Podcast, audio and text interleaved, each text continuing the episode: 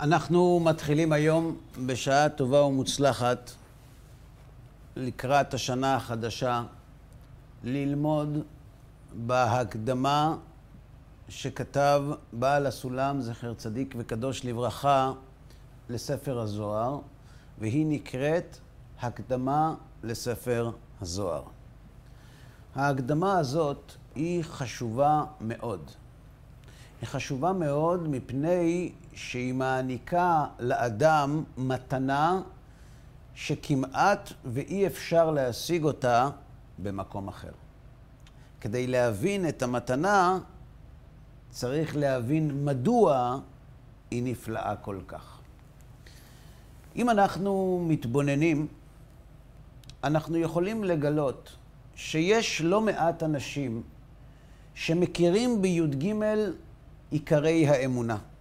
הם מאמינים שהקדוש ברוך הוא מצוי ומשגיח, ושהוא אינו גוף ואינו דמות הגוף, ושתורת משה אמת, ושדברי, ושהנביאים, דברי הנביאים אמת, ושהקדוש ברוך הוא משלם שכר טוב לצדיקים ועונש לרשעים, ושיבוא מלך המשיח. הם מאמינים בכל הדברים הללו, הם לפחות אומרים שהם מאמינים, ואני נוטה להאמין להם שהם מאמינים. אבל אנחנו מגלים שיש נתק בין הידיעה של האדם, או האמונה שלו בעיקרי האמונה, לבין היישום בפועל. יש הפרש. אנחנו יכולים לראות אנשים שלומדים תורה, מקיימים מצוות, אפילו לומדים בישיבה. ישיבה זה מקום שבו מגדלים את המקצוענים ביהדות של הדור הבא. ולמרות זאת, אנחנו מגלים שיש אנשים שעוסקים בתורה והם לא מחוברים. אין להם סיפוק.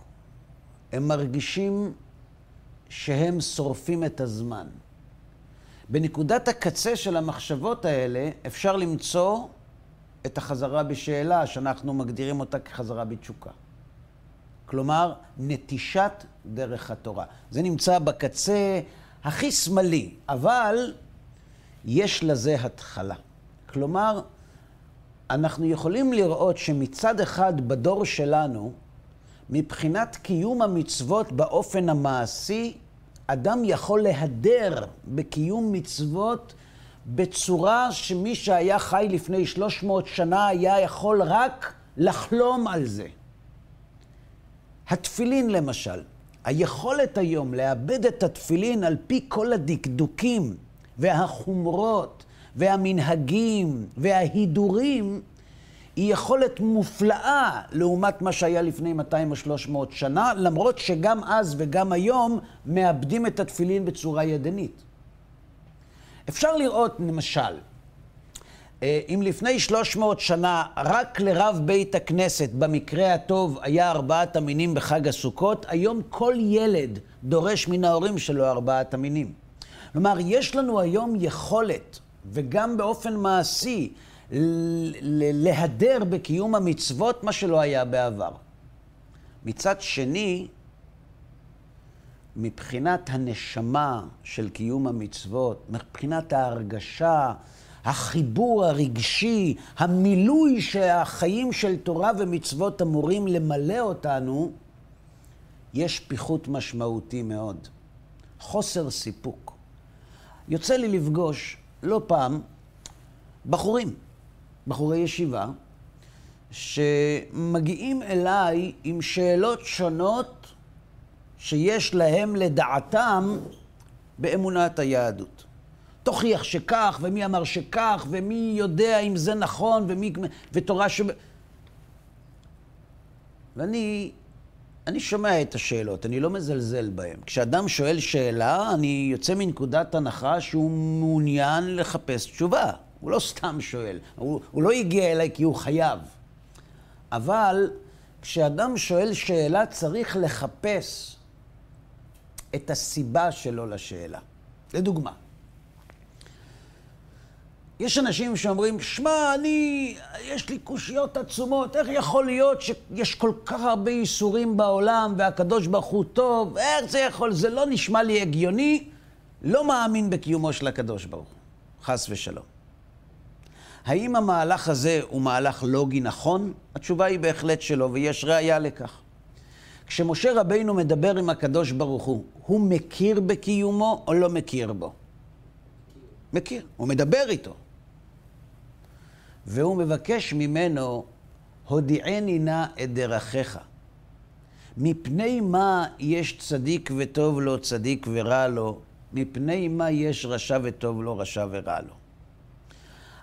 הגמרא מביאה כמה תשובות שהשיב הקדוש ברוך הוא למשה, והאחרונה שבהם היא שהוא לא ענה לו. או במילים אחרות הוא אמר לו, אתה לא מסוגל להבין. או במילים המדויקות אמר לו, וחנותי את אשר אחון אף על פי שאינו הגון, וריחמתי את אשר ארחם אף על פי שאינו הגון. בהדי דכבשי רחמנה, למה לך?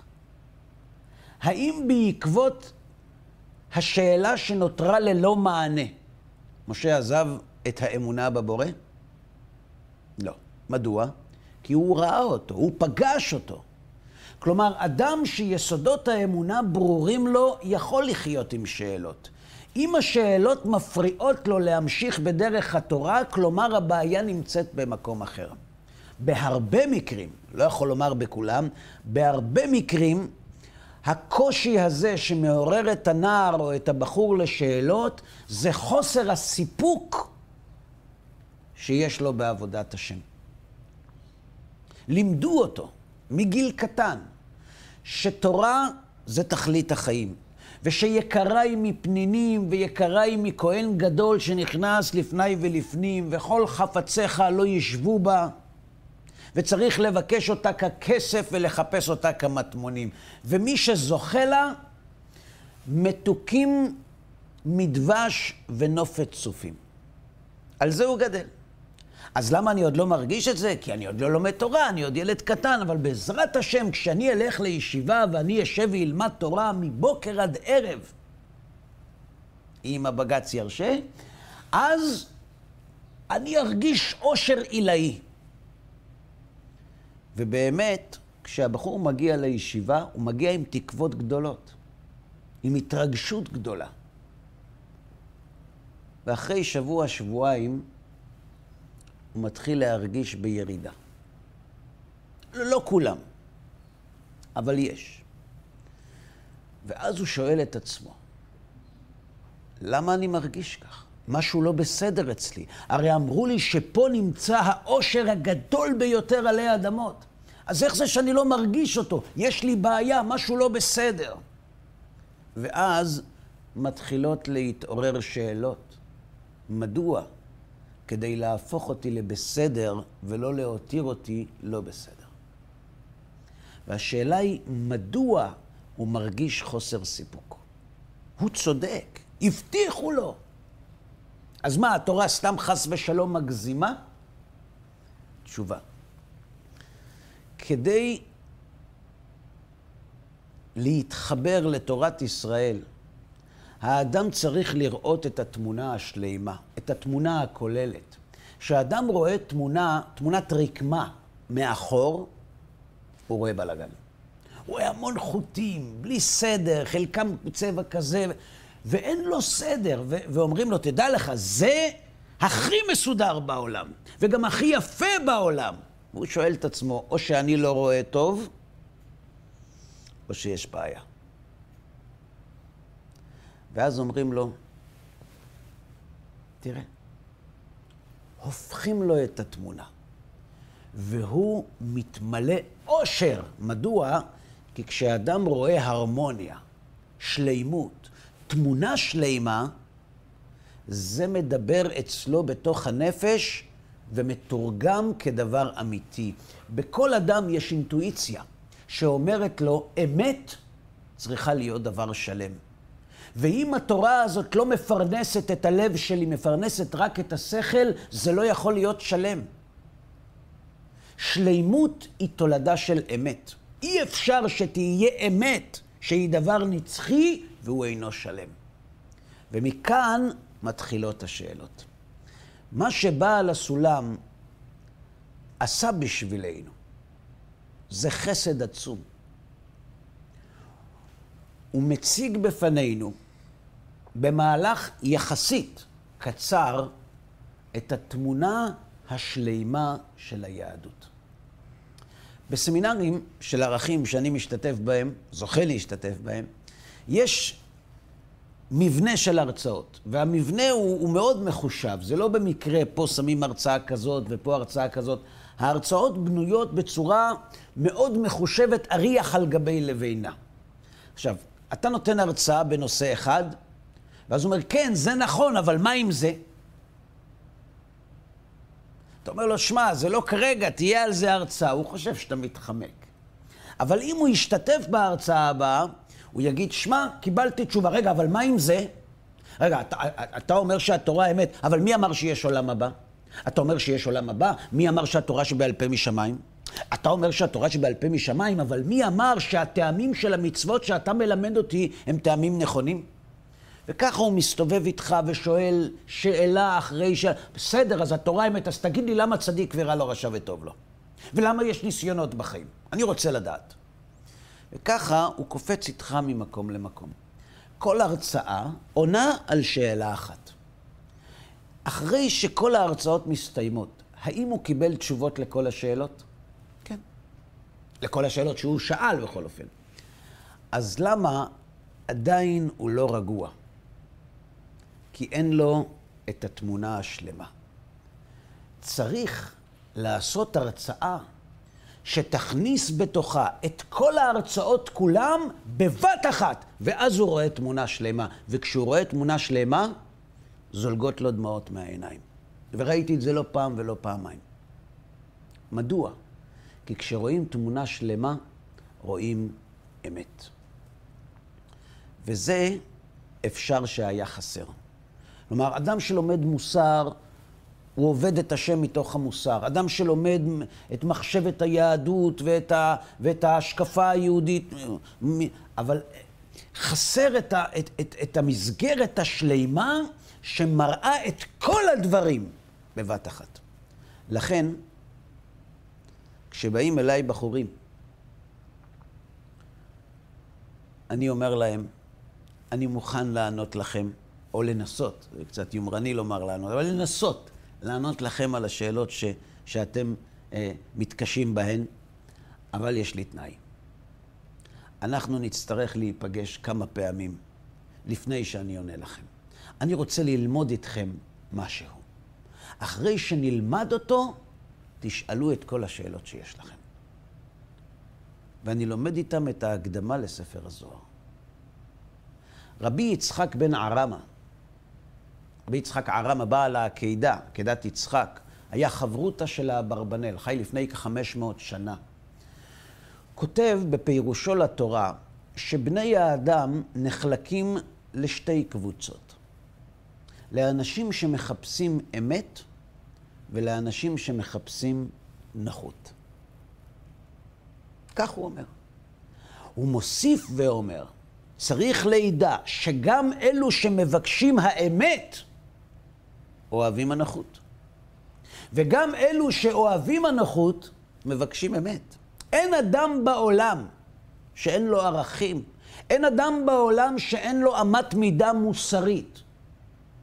איזה מוסרית? זה תלוי בחינוך, זה תלוי בהשקפת עולם, זה תלוי בסביבה, במדינה, בלאום, זה תלוי באוכל, זה תלוי בהרבה דברים. אבל אין אדם בעולם, גם אם הוא איש של נוחות, גם אם הוא בליין, שאין לו ערכים.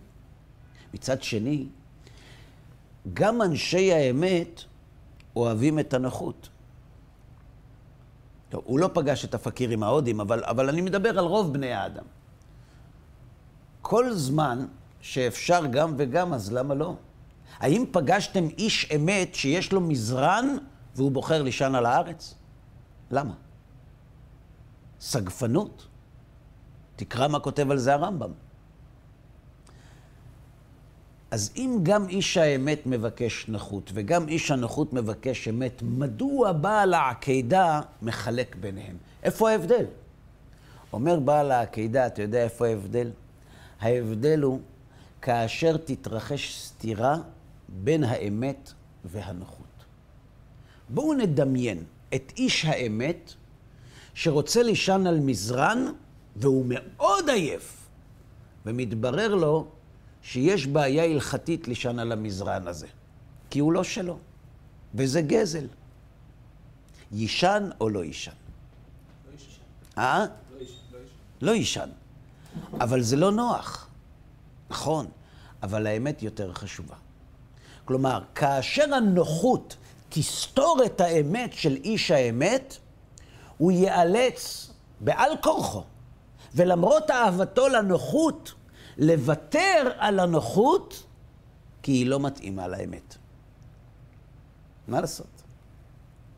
לעומת זאת, איש הנוחות והאמת, שגם הוא אומר שאסור לגזול, אבל הוא מאוד מאוד עייף, והוא מסתכל על המזרן ושואל את עצמו, זה גזל זה?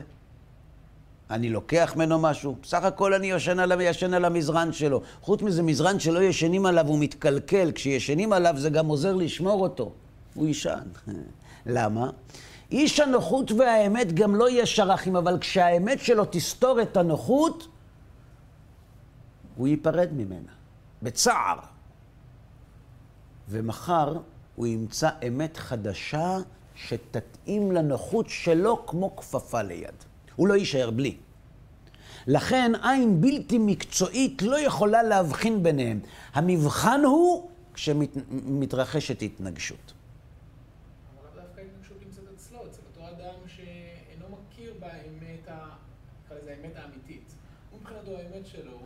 אני מדבר על האמת שלו.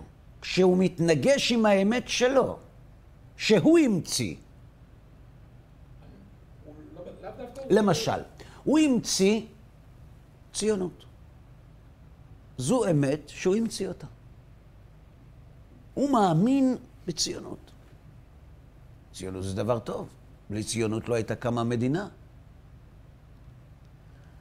אבל אז מציעים לו בעמק הסיליקון, שזה לא ליד דימונה, עבודה ב-100 אלף דולר לחודש. ציונות זה חשוב. הוא יתרום הרבה לסוכנות היהודית מקליפורניה. איפה נעלמה האמת? אגב, יכול להיות אותו אדם שיישאר בארץ. כי ציונות יותר חשוב מהכל. כי הוא איש אמת. זאת אומרת, איש האמת לא חייב להיות דתי. איש האמת זה איש שהערכים שלו והמוסר שלו הם הדבר הכי חשוב בחיים. הוא לא צריך להיות דתי בשביל זה. דתי או לא דתי זה מה שקובע מהי אמת המידה הערכית שלי. אבל הטכניקה היא אותה טכניקה. עכשיו, מה קורה כשאדם בא ללמוד תורה, והיא מפרנסת את האמת שלו ולא את הנוחות? הוא יהיה במצוקה. מה יקרה אם האמת תפרנס את הנוחות שלו ולא את האמת? הוא יהיה במצוקה. יש אנשים שפגשתי שאיבדו את האמונה שלהם. לא משנה כרגע למה, איבדו אותה, אנשים שומרי מצוות, איבדו את האמונה, אבל הם ממשיכים לחיות כשומרי מצוות. כלפי חוץ אתה לא תזהה אצלם כלום, אבל הם כופרים. ואז אני שואל אותו, תגיד, איך, איך, אתה, איך אתה חי כך? אז הוא אומר, תשמע, זה נוח לי. אני גדלתי בחברה הזאת, יש לי משפחה, יש לי הורים, יש לי אחים, אני רוצה להישאר איתם בקשר, זה מאוד חשוב לי. אם אני אפרוש ואגלה באמת מי אני, יתרחקו ממני, אני אהיה בודד, לא יהיה לי טוב, לילדים שלי לא יהיה מי לשחק, אז אני נשאר כך. וזה לא מפריע לך? זה מפריע לי. אני לא ישן בלילות. אני חי במצוקה, אני מרגיש שאני חי בשקר, אני מרגיש שאני בבית סוהר. כלומר, זה מפרנס לו את הנוחות, וזה לא מפרנס לו את האמת, הוא במצוקה.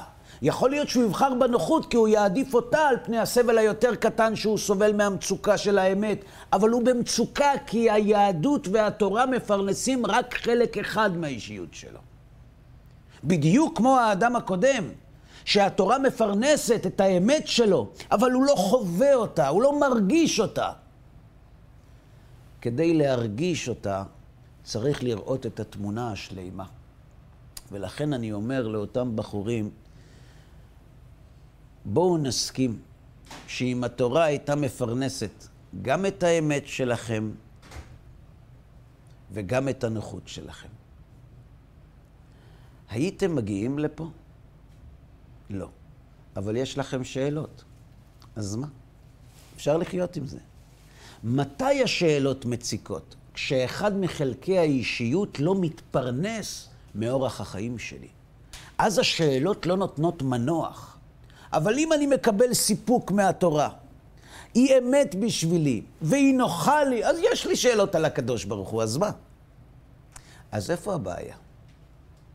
הבעיה היא שהתורה לא מפרנסת אותך. ברור?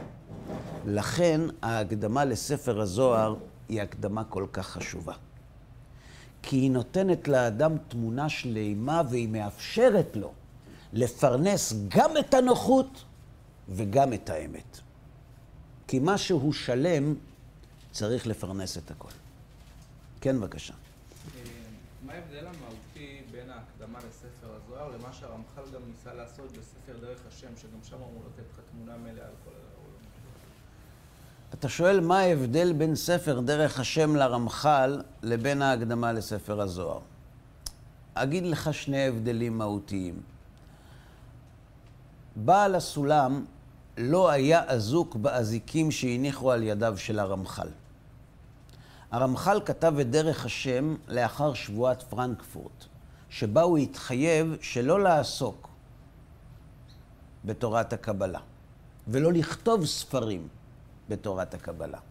ולכן הוא היה צריך לכתוב ספר שמתנהל בצורה מאוד מאוד טלטלה ומסביר את יסודות האמונה בדרך שמנותקת לפחות כלפי חוץ מפנימיות התורה, דבר שבעל הסולם לא היה אמור להתחשב בו. הבדל ראשון. הבדל שני, בעל הסולם לא בונה פרקים, הוא בונה מהלך. יש פרקים בהשגחה, בבחירה, בהשפעת הכוכבים, בתכלית האדם, כמו שיש בספר דרך השם. וכל פרק הוא בפני עצמו. בעל הסולם מציג את התמונה השלמה. הוא מציג מהלך, כשכל מהלך מחייב את המהלך שנולד ממנו. ולכן אם אתה מחזיק ראש במעגל שבעל הסולם לוקח אותנו לסיבוב בו, כשאתה מסיים אתה רואה תמונה שלמה והאושר העצום שאותו היינו חסרים ממלא אותנו. ברור? כן, בבקשה.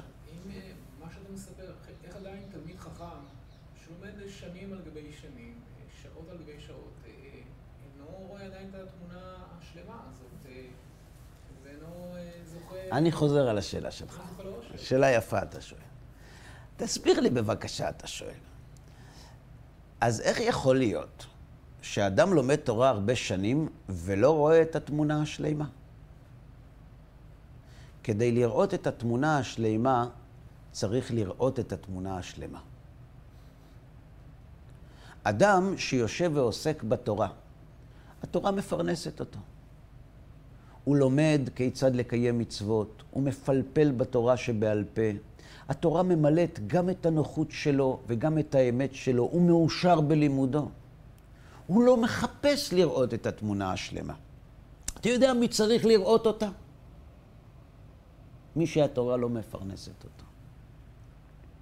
אני אסביר. מתי מדברים על אהבה? כשאין אהבה. מי שהוא אוהב, הוא לא מדבר על אהבה, הוא אוהב. מתי מדברים על עצמאות? כשאין עצמאות. מתי מדברים על מדינה? כשאין מדינה. כשמדברים על משהו, כשמבקשים להגדיר משהו, זה מפני שהוא לא קיים. אנחנו לא חווים אותו. למה תורת הקבלה אה, אה, אה, אה, עוברת למרכז ולחזית בעבודתם של רבי שמעון בר יוחאי ותלמידיו וחבריו? מה, הוא המציא את זה? מה, תורת הקבלה לא הייתה ידועה לנביאים? תורת הקבלה היא, היא חלק קטן מהדרך שבה היו הולכים הנביאים בדרך להיות נביאים. כשהייתה נבואה, לא היה צריך לדבר על קבלה, היו חווים אותה. אבל כשהיא נסתלקה, נותר ממנה רק הרושם, ואז עוסקים בלימוד תורת הקבלה. במה שנשאר, ברשימות של כוח הנבואה שהיה מצוי לכל בימי בית ראשון. לכן, אם תשמע ששרים על אהבה הרבה, תבין שהדור חולה. כי דור שיש בו אהבה, אין בו שירים על אהבה. בדור שיש בו הרצאות על זוגיות, זה אומר שהזוגיות חולה. כי אם היא הייתה בריאה, לא היו צריכים הרצאות על זוגיות. אתה יודע מי צריך לראות את התמונה השלימה? מי שלא מרגיש טוב. אבל מי שהתורה מפרנסת אותו, התמונה השלמה לא חשובה לו. התמונה השלמה היא אמצעי לעורר, להתניע את המנוע החווייתי של האדם בעבודת השם. אבל אם המנוע עובד, אז הכל בסדר. ברור? שאל אותי פעם מישהו, תגיד לי, למה בישיבות לא נותנים הרצאות כמו שאתם נותנים בסמינר? מה, בחורי ישיבות לא צריכים הרצאות על אמיתות התורה? תשובה, יש כאלה שצריכים, יש כאלה שלא צריכים.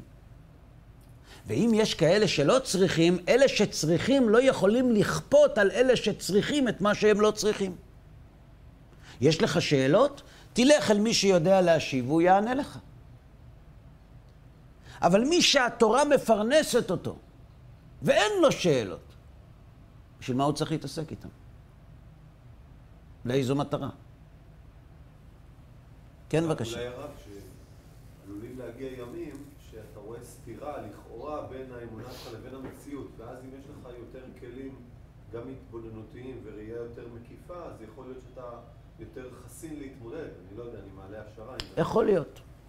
אתה אומר, כל עוד הוא נמצא בחממה, אז הכל בסדר. אבל כשבחוקותיי תלכו, כשהוא יוצא מבית המדרש ואז הוא רואה שהמציאות, איך נגיד, לא כל כך מתאימה למה שהוא למד, אז הוא בשוק. וזה יכול לערער את כל האמונה, אבל אם הוא היה לומד את יסודות האמונה בבהירות, הוא היה יכול להתמודד. אגב, הטענה הזאת היא טענה חזקה מאוד. היא נשמעת גם מאוד הגיונית. יש רק פרט אחד קטן. היא לא עברה את מבחן המציאות. מבחן המציאות הוכיח שבגלות ספרד ובגירוש ספרד, אלה שנותרו באמונתם לא היו הפילוסופים הגדולים שעסקו בחקירות, אלא דווקא היהודים שהלכו אחרי הקדוש ברוך הוא בתמימות. אתה יודע מי זקוק לחקירה? מי שחולה בה. מי שלא חולה בה, לא זקוק לה. החקירה, אנחנו לא סוגדים לרציונליות. אנחנו מחפשים את האמת. מי שאין לו צורך, שלא ישתמש. מי שיש לו צורך, אוי לו אם לא ישתמש. אבל לומר שכולם זקוקים לאותה אנטיביוטיקה רק בגלל שחלק חולים בה, זה לא נכון. כן, בבקשה. אלה אבל שכן מרגישים שהתורה מפרנסת אותם, הפרנסה יכולה להיות או, או, או מהגנרטור של הטומאה או מה, מהאמת. השאלה היא, אה, אם אין להם את אה, שלושת העיקרים, אז בעצם אין, האור, האור שבתורה לא מחזיר אותם למוטב, אז הם מרגישים שהם מתפרנסים, אבל הם לא באמת מתפרנסים. אני חוזר על השאלה שלך. אתה אומר, זה שאנשים מתפרנסים מלימוד התורה ומרגישים חוויה, זה לא בהכרח מגיע מצד הקדושה. זה יכול גם להגיע מן הצד האחר. ואז הם אולי מרגישים טוב, אבל זה לא טוב. אתה צודק. יש רק נקודה אחת שבה לא דייקת. אמרת, יש כאלו שמתפרנסים מצד הטומאה. וזו טעות. כולם. כולם מתפרנסים מצד הטומאה, כי כשאדם מתענג מתורה שהיא שלא לשמה, שמרחיקה אותו מהקדוש ברוך הוא, אז ממה הוא מתענג? מההתרחקות. אלא שאמרו חז"ל, לעולם יעסוק אדם בתורה ובמצוות שלא לשמה, שמתוך שלא לשמה בא לשמה. ולכן, אם הכוונה שלו היא להגיע בסופו של דבר אל הלשמה, הוא יתענג באופן זמני מן התורה שהיא שלא לשמה, ואז הוא יתחיל להרגיש חיסרון, והמאור שבתורה יאיר לו ויגיד לו, אתה יודע למה אתה לא מרגיש עונג? לא כי יש לך שאלות, כי אתה לומד שלא לשמה. לעומת זאת, מי שהמטרה שלו היא לא להגיע ללשמה, והוא גם לא מאמין בשלושת יסודות האמונה שהזכרת, שנעסוק בהם בהמשך, הוא לעולם לא יתמלא מן התורה, מתחילת דרכו. התורה היא שמה מוות בשבילו. שפחה כי תירש גבירתה. בשביל הכבוד הוא לא יוצא? לא. הוא ירגיש מצוקה נוראה בחיים של תורה ומצוות. הוא יהיה פרופסור לתלמוד. הוא יהיה מנותק. הוא יעסוק בזה אולי בסיבות מקצועיות, הוא צריך פרנסה, אבל, אבל הוא לא יוכל לחיות חיים של תורה ומצוות. בהקשר לשאלה הקודמת, הרב, הרב עצמו אמר שאולי הגורם מספר אחד לנטישת הדרך הייתה התמודדות עם הסבל האנושי, שבעצם אה, אולי לפחות הסוגיה הזאת היא כן דרושה יותר ליבון בקרב חוגים יותר רחבים. אני חוזר על השאלה שלך. אתה שואל, אמרנו, זה לא אנחנו אמרנו, זה הרמב"ן כותב בהקדמה לספר איוב, שהגורם המרכזי לעזיבת המאמינים את האמונה לאורך הדורות הייתה שאלת הסבל. חוסר הצדק לכאורה. אז אתה אומר, אם, זו, אם זהו הגורם המרכזי, אולי הלימוד המושכל של האמונה יוכל לסייע. תשובה. אתה יודע למי גרם, למי גרמה שאלת הסבל לעזוב ולעבור לצד השני? לאנשים שהיו זקוקים להוכחות השכליות ולמופתים השכליים כדי לאמת את האמונה. אבל יש בעולם אנשים שמתפרנסים ומפרנסים את נפשם בחוויית התורה והמצוות, שגם כשהם רואים סבל, זה לא מעורר להם שאלות. ולכן, אתה יודע מי זקוק ללימוד יסודות האמונה? מי שהנפש שלו שואלת ולא מניחה אותו לישון, צריך לפרנס אותה, ולכן הוא צריך ללמוד. אז בעצם מה שהרב אומר, סוג של שכל השמור לבעליו לרעתו. זה נכון, יוסף דעת, יוסף מכאוב. קצת tricky הדבר הזה. מה? מה לא מוצא חן בעיניך? אברהם אבינו כן, שאל שאלות על הבריאה, שאל שאלות, אתה וחקר את צודק, העולם. זה נכון. והיה צריך לעבור איזה כברת דרך עד אשר אה, ראה את האמת, ו... הוא לא ראה אותה. אה, אני חוזר על דבריך. אתה חולק על דבריי, בצדק, ואתה אומר, שמע, אתה, יש פה טריק. למה? אברהם אבינו, עמוד האמונה, עמודו של עולם. איך הוא התחיל? בפקולטה לפילוסופיה. הוא שאל שאלות, עד שהוא הגיע לאמת. אז כמעט כל דבריך נכונים, חוץ מהמשפט האחרון. הוא לא הגיע לאמת. הוא הגיע לספק. אפשר בירה זו בלא מנהיג? זהו. הוא לא מצא את הקדוש ברוך הוא. ואז הציץ עליו בעל הבירה. כלומר, אברהם אבינו עסק בפילוסופיה בגלל שבעל הבירה לא הציץ עליו. אם בעל הבירה היה מציץ עליו בתחילת דרכו, הוא היה נשאר בפקולטה לפילוסופיה? לא. אנחנו אברהם אבינו אחרי שהוא פגש את הקדוש ברוך הוא. זה הבדל עצום. מי שפגש את הקדוש ברוך הוא, אם אתה ואני היינו עומדים למרגלות הר סיני, והיה הקדוש ברוך הוא אומר לנו, אנוכי השם אלוהיך, היינו עוסקים בפילוסופיה? לא. פגשנו אותו. החוויה הזאת מילאה אותנו בכל המובנים, בנפש, בגוף, ברגש. אני, אני תמיד אומר, מה היה קורה אם אריסטו היה עומד למרגלות הר סיני? הוא היה מגיע למדבר, רואה 600 אלף איש עושים על האש, היו מכבדים אותו, היו יושבים, מדברים, גדולה לגימה שמקרבת הלבבות, הוא אומר להם, מה, מה אתם עושים פה? תשמע, אנחנו יצאנו ממצרים, אל תשאל, יש לנו היסטוריה, אנחנו בדרך לארץ ישראל, ומה אתם עושים כאן? אומרים לו, תקשיב, יש לנו מנהיג, קוראים לו משה.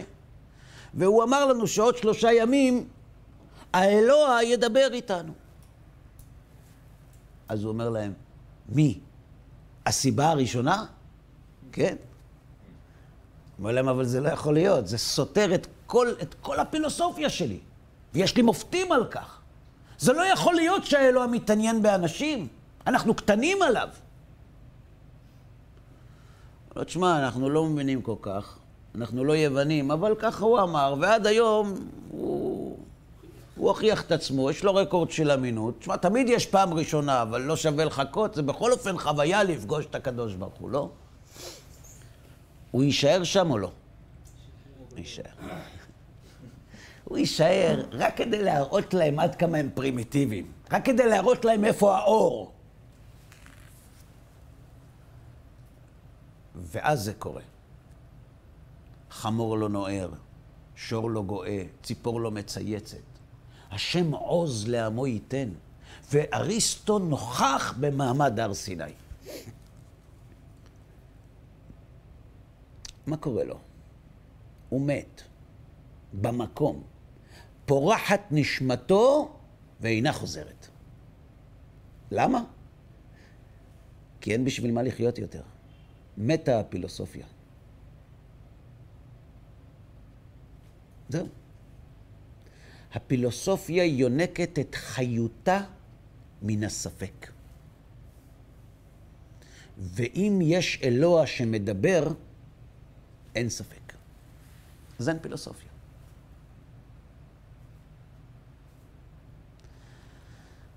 הוא היה גם מת עם חיוך. כי הוא מצא את האמת.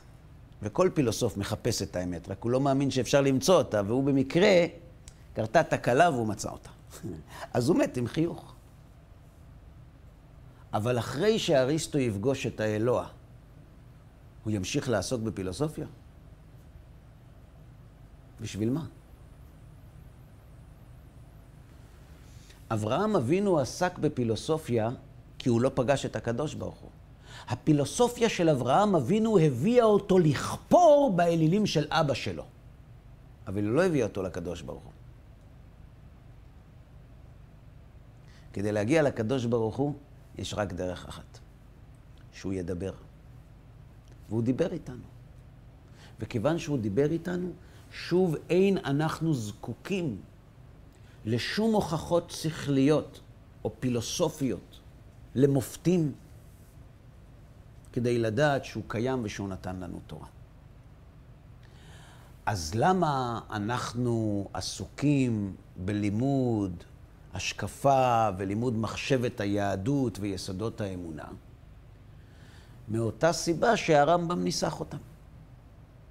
מתי ניסח הרמב"ם את יסודות האמונה? לפני כמה זמן? מספרים, כמה? 900 שנה? 900 שנה? כמה זמן העם היהודי קיים? 3,329. פחות 900. כמה יצא? אני לא למדתי בליבה. כמה יצא? 2,400. פלוס מינוס. לא כולל מע"מ. 2,400 שנה היהודים האמינו במשהו שהם לא ידעו להגדיר? מה עשו היהודים בבית שני? לא היה להם הרמב"ם. לא היה להם אני מאמין באמונה שלמה שהקדוש ברוך הוא מצוי ומשגיח. מה הם עשו? למה הרמב"ם חיכה? ורק לפני 900 שנה ניסח את עיקרי האמונה. כי כנראה עד אז לא היה צריך לנסח אותם. כי כולם חוו את האמונה. בבית ראשון לא היה צריך לנסח את עיקרי האמונה, מסיבה פשוטה. כל מי שהולך לבית המקדש ורואה עשרה ניסים שנעשים לאבותינו מול עיניו, הוא לא זקוק להגדרת האמונה, הוא חווה אותה. מתי מדברים על הגדרות? כשמתעוררים ספקות. ולכן הרמב"ם ניסח את יסודות האמונה. הוא ניסח אותם מפני שהיה צורך לנסח אותם. ברור. אז למה בכל אופן אנחנו עוסקים במחשבת היהדות? לא בגלל שאנחנו בריאים, הפוך, בגלל שיש ספקות באמונה. וכשיש ספקות באמונה, אי אפשר למרוח אותם. אנחנו כל כך רחוקים מנקודת ההתחלה, והעם היהודי עבר כל כך הרבה מהמורות, וליקט ניצוצות מכל כך הרבה תרבויות, שכדי להגיע היום אל החוויה הפנימית של הרגשת השם, צריך לפרנס גם את השכל וגם את הלב. ולשם כך אנחנו זקוקים לתמונה השלימה שבעל הסולם העניק לנו, וזו מתנה מופלאה. אני יכול לומר לכם, אלה שלמדנו איתם יחד, שבאו עם שאלות, ולמדנו איתם יחד את ההקדמה לספר הזוהר, כמעט ללא יוצא מן הכלל. מה הם עשו עם זה אחר כך, אני, אני לא יודע. אני מקבל מהקדוש ברוך הוא לפי שעות, לא פר ראש. אין לי מושג מה קרה איתם. אבל אני יודע מה הם אמרו. איך לא הראו לי את זה עד היום? איך לא הראו לי את זה עד היום? עכשיו אני מבין למה אני לומד. מדוע? כי הוא ראה את התמונה השלימה, ולכן אנחנו שבים ולומדים מחדש בהקדמה לספר הזוהר, עד כאן להיום.